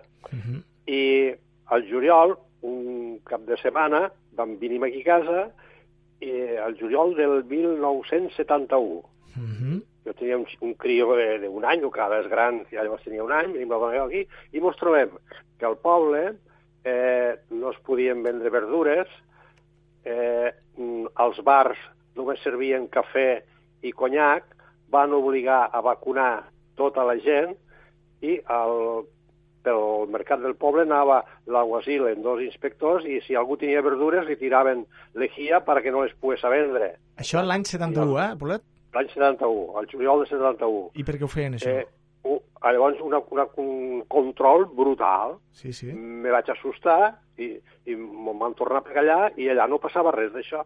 Llavors, jo en aquella època era militant d'un partit clandestí antifranquista que es deia PSUC. Mm -hmm. I una miqueta per i la manieta en revolucionar la gent i tal, mm anava pel bar explicant de que eh, mos amagaven algo, aquí està passant algo i mos amaguen algo, i mos amaguen algo, saps? O te foten la tabarra. I d'això l'alcalde del poble, que per cert era amic meu, em va fer acudir a casa. Vaig allí, com érem amics, diu, deu dir alguna tonteria.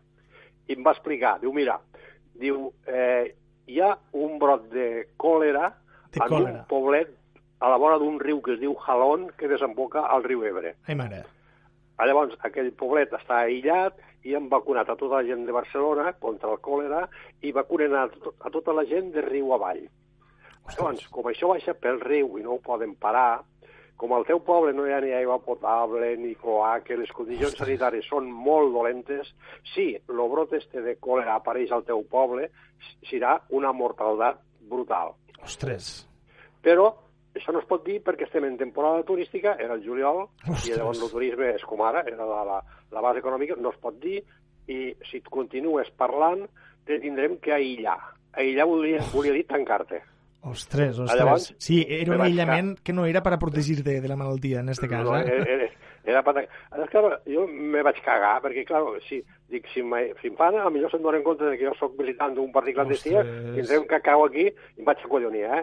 Jo a, a callar, total, i esperant a veure, aviso a casa, a veure què passa, què pot passar, i aquí no va haver cap cas. Però això ho van emprendre a la mà dura, o sigui, tothom vacunat, i allà aquella gent, pobret, quanta gent va morir o això? No ho sé.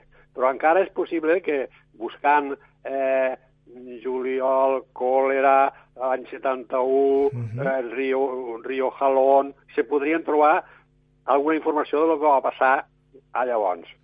Sigui que sí, sí, sí, eh, en aquell moment vam estar a punts d'una massacre. Ara, en aquests moments, ara en aquests moments, eh, jo sempre dic que el món avança, ara últimament, el món avança a favor nostre. Mm -hmm. Això de la globalització i la, la mecanització, la digitalització i tot això, bé, avui, cada vegada el que nosaltres necessitem ve de més a lluny i ens controlen més a lluny. Això ho veig malament.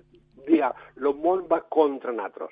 Aquestes coses mm. fa que potser el, el món ara ha pegat la volta i va a favor nostre, perquè ara donem valor a l'estar aïllats, al no tindre que sí, utilitzar sí, sí. ni el metro, ni l'autocar, ni l'avió, ni el tren, a viure aquí, aïllats, hauríem de tornar a ficar en marxa els hortets. Si tinguéssim un, un hortet tots, està eh, els d'acumular menjar que ja ha tingut la gelat, no l'hauríem tingut. Tinguin l'hort aquí, o el gallinar, no hi ha res. Vull dir que jo sí que és un problema molt, molt fort, sabeu, però a les concentracions urbanes.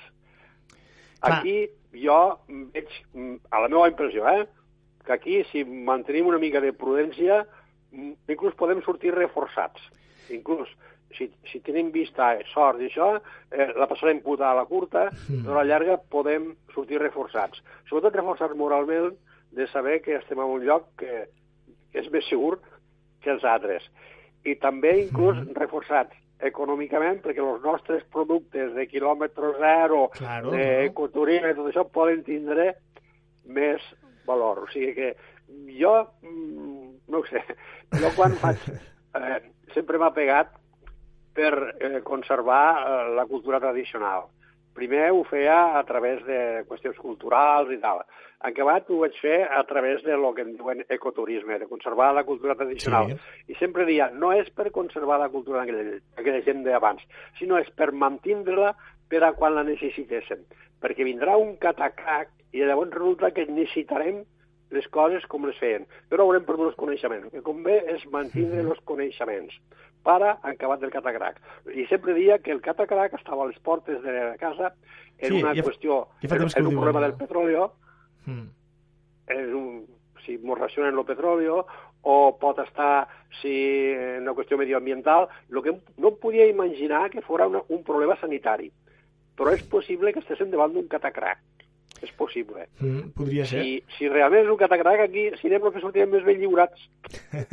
Això tinc, tinc un amic, Polet, no sé si estàs d'acord, tinc un amic que diu que eh, encara més ara que els trens passen amb menys freqüència, que tenim més males comunicacions, que tot això que històricament mos ha anat en contra, ara és un punt a favor en aquest cas, no? perquè Ara- este aïllament ara, mos fa una sí. miqueta de, de telet, no? de tel, una mica per impedir que la cosa arribi tan ràpidament com està passant a Madrid, per exemple. Sí, sí, sí. Ara, tu fixa't quina, quina, quina curiositat.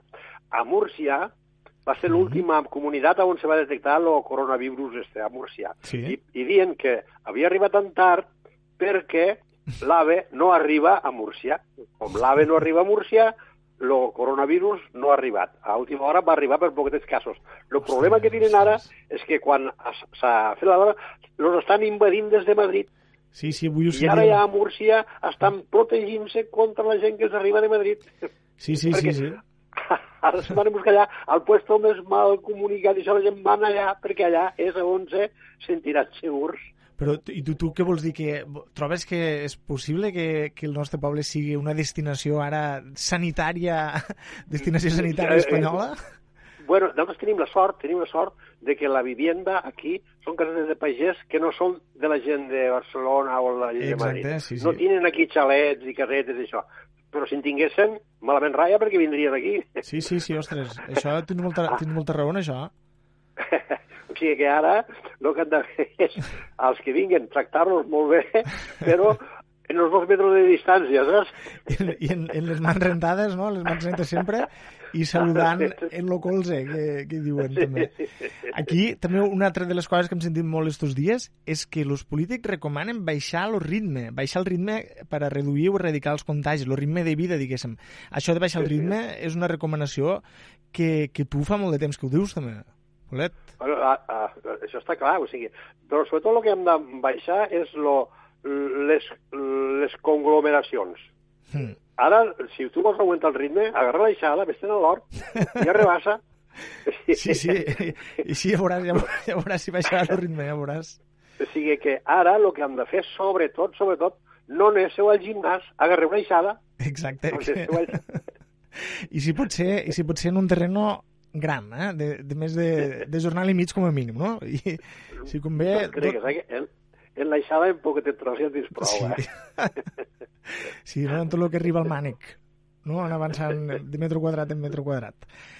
Molt bé, doncs, Polet, moltes gràcies per, este, per esta lliçó que mos has fet i, històrica. L'any 71, un brot de còlera que no va arribar a, a prosperar al poble, però d'haver-ho fet hagués posat en, en sèries complicacions eh, a la nostra població. Ara esperem... En aquella època, sí. Sí, sí, esperem, Esperem que, que, no, que no passa com va passar altres vegades. Llegia un article que va fer el company Josep Pitarc que parlava dels brots de tifus de l'any 8 i de l'any 14, de la febre groga del segle passat, del còlera també del, dels anys 1830, de la dècada dels 50... Sí, una mortalitat en aquell any.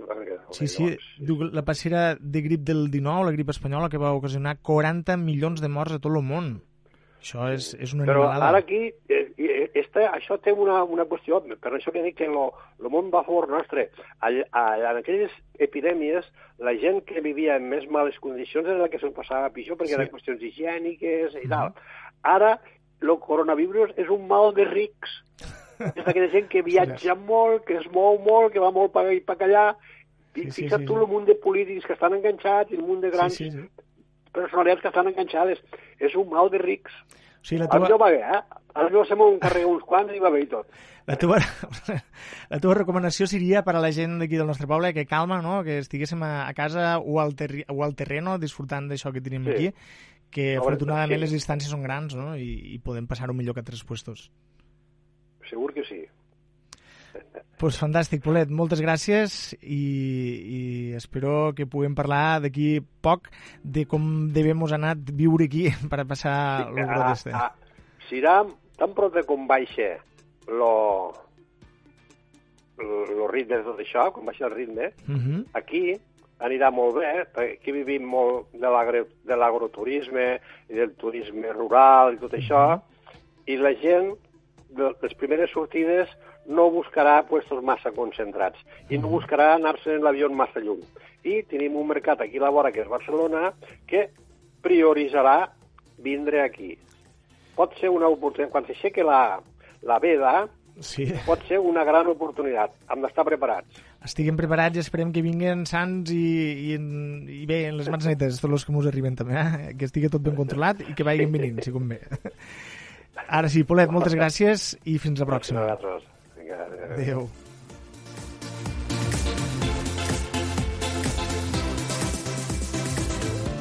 La veritat és que no ens deixa sempre de sorprendre totes les explicacions i totes les vivències que sol contar Josep Bertomeu, com és conegut com Polet a Deltebre i per extensió a totes les nostres terres, qui no coneix a Josep Bertomeu.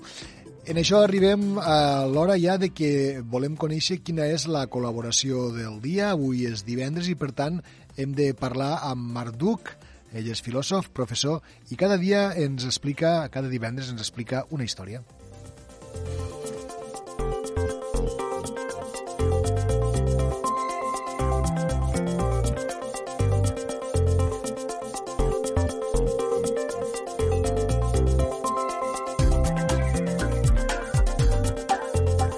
De tot plegat del Covid-19 no em puc dir res. Serà el que el virus i els governs deixaran que sigui.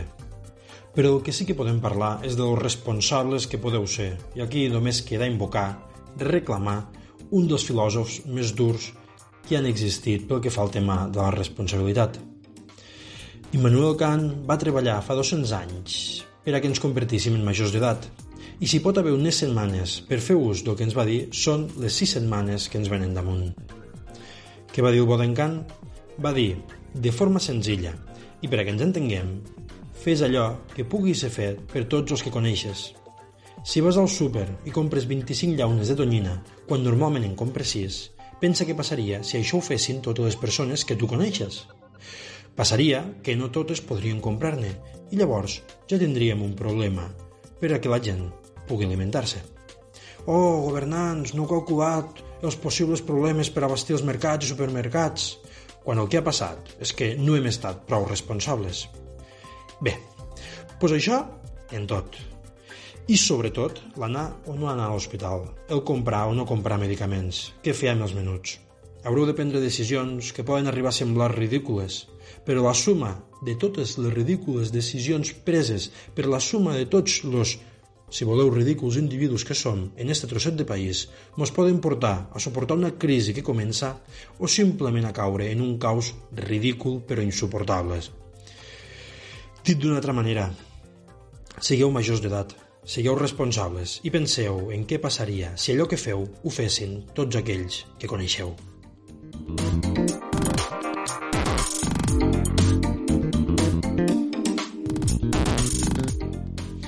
Moltes gràcies, Marc. I nosaltres avui, eh, quan falta un quart d'hora per arribar al punt de les 3, volem encetar una nova secció per aprendre-nos les coses d'una altra manera, per aprendre-nos les coses amb humor. I per això els companys d'Amposta Ràdio, Jordi Galó, ens ha preparat aquesta secció de notícies amb humor, podríem dir.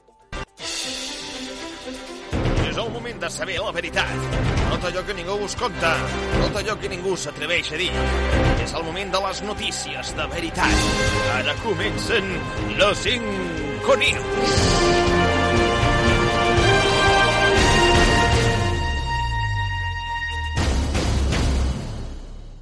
I comencem amb els titulars.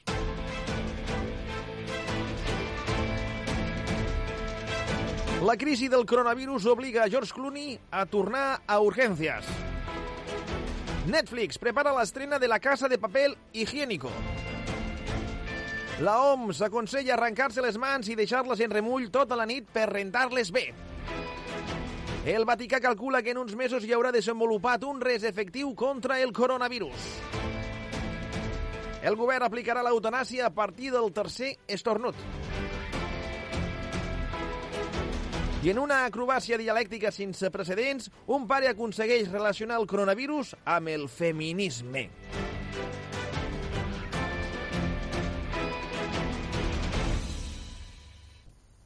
L'OMS aconsella arrencar-se les mans i deixar-les en remull tota la nit per rentar-les bé.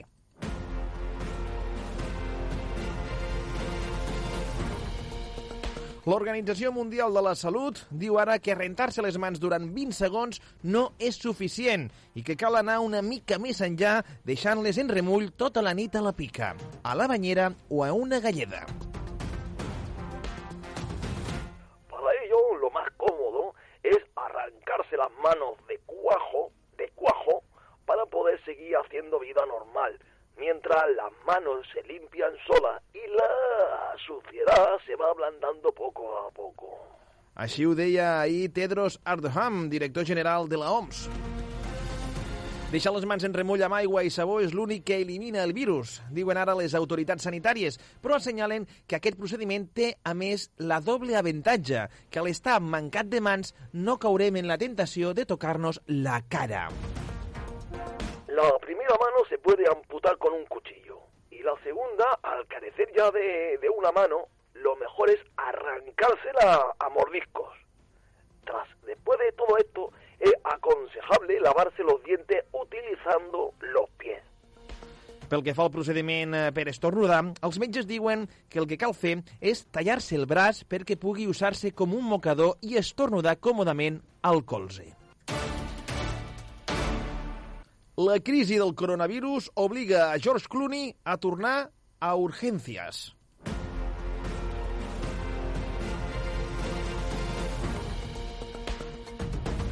L'arribada del coronavirus als Estats Units ha obligat a George Clooney a tornar a urgències. L'actor s'ha enfundat novament amb la bata blanca i ha començat a despatxar pacients per ajudar a desbloquejar la situació a l'Hospital Country General, que començava ja a estar desbordat. Vencent la seva por a encasillar-se en el paper del doctor Doc Rose, el carismàtic actor no ha dubtat a tornar a la primera línia de la sanitat nord-americana. No es el momento de pensar en mi carrera como actor. Es el momento de pensar en mi carrera de doctor. Afortunadament, encara que en la sèrie era pediatre, gràcies a la seva gran varietat de registres interpretatius, Clooney fa dies que està exercint d'infectòleg. George Clooney no és l'únic que ha protagonitzat una situació com aquesta. A l'Hospital Universitari de Princeton Plainsboro, Hugh Lauer també fa dies que està interpretant una altra vegada el Dr. House investigant una possible cura. A Espanya s'han pres mesures similars. Antena 3 ha tornat a obrir d'urgència la farmàcia de Guàrdia i a Telecinco Emilio Aragón ha tornat al seu lloc com a metge de família. Hem de dir que al tancament d'aquesta edició la premsa ha pogut saber que després d'interpretar a tots els nord-americans rellevants de la història, Tom Hanks ja està interpretant el paper d'un contagiat pel Covid-19. El Vaticà calcula que en uns mesos hi haurà desenvolupat una pregària efectiva contra el coronavirus.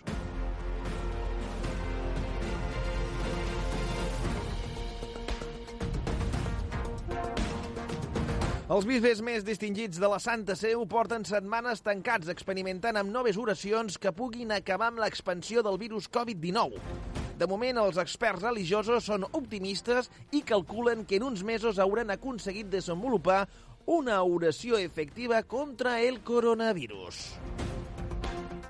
Al que tenemos ahora le falta fuerza, fuerza, pero no pasa nada, porque mm, nuestra santidad ha puesto a sus mejores hombres en eso, o sea que no hay que preocuparse.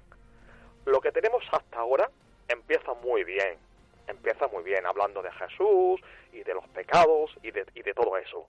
Pero luego a la mitad empieza a flojear y al final sencillamente no sirve para hacer frente a la, a la enfermedad.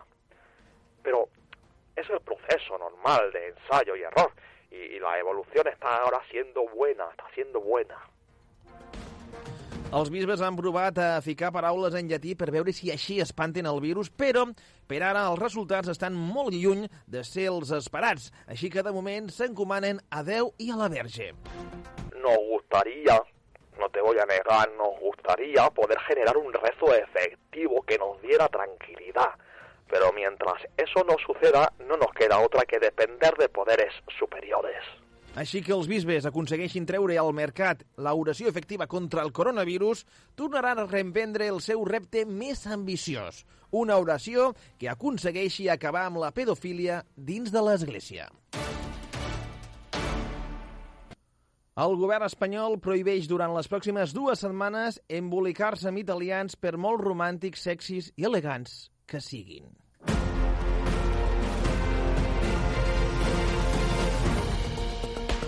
Demanant fer un esforç màxim de contenció, el govern ha sol·licitat als ciutadans i ciutadanes espanyols que intentin ignorar els avenços romàntics dels italians i que facin tot el que estigui al seu abast per no caure als seus compliments i acabar rendits als seus braços. Eh, su pelo es salvaje y masculino, pero por ahora nuestra relación con ellos tendrá que ser platónica. ¿eh? Tendremos que conformarnos con imaginarlos en nuestros sueños más íntimos y ya está. Així ens ho comentava la portaveu del govern espanyol. Por muy románticos que sean, por muy sexys o por muy guapos que sean los italianos, los españoles deberían permanecer con sus actuales parejas al menos durante las dos próximas semanas, por difícil que parezca. La portaveu del govern també ha prohibit que els vols directes a Itàlia per evitar que ningú faci una bogeria i s'escapi a Roma per perseguir l'amor de la seva vida. A última hora, milions d'espanyols s'han tancat a casa per escoltar cançons romàntiques italianes mentre pensen en Filippo i en el seu poderós pit. El nou novi de Corina se pregunta a veure què li regalo jo ara a aquesta.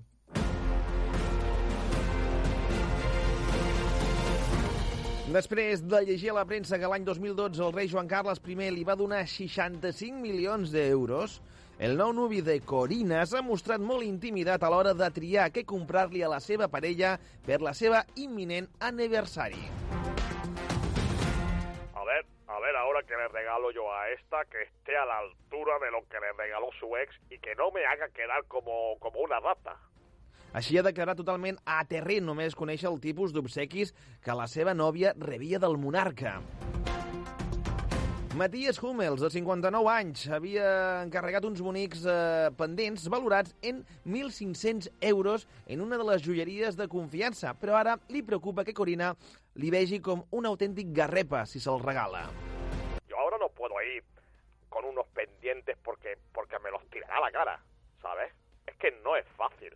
No es fácil saber qué regalarle porque ya tiene literalmente de todo, de todo. L'empresari austríac està valorant demanar un préstec bancari per poder donar la seva parella almenys un parell de milions més dels que li va donar Joan Carles I el 2012. Es que lo malo, lo malo es que aunque le regale 67 millones para ella, no va a ser nada nuevo. Tendría que desmarcarme y regalarle un ser humano para que sea su esclavo o la receta de la eterna juventud, pero que, que no se puede, ¿sabes? El nuvi actual de Corina sempre s'ha sentit molt intimidat per l'ex de l'empresària alemanya. Quan van començar la relació va tractar de conquerir Luxemburg per ser també l'amo d'un país, però malauradament per a ell els cossos de seguretat de l'Estat van defensar molt bé les seves fronteres i van evitar la seva entrada a la capital.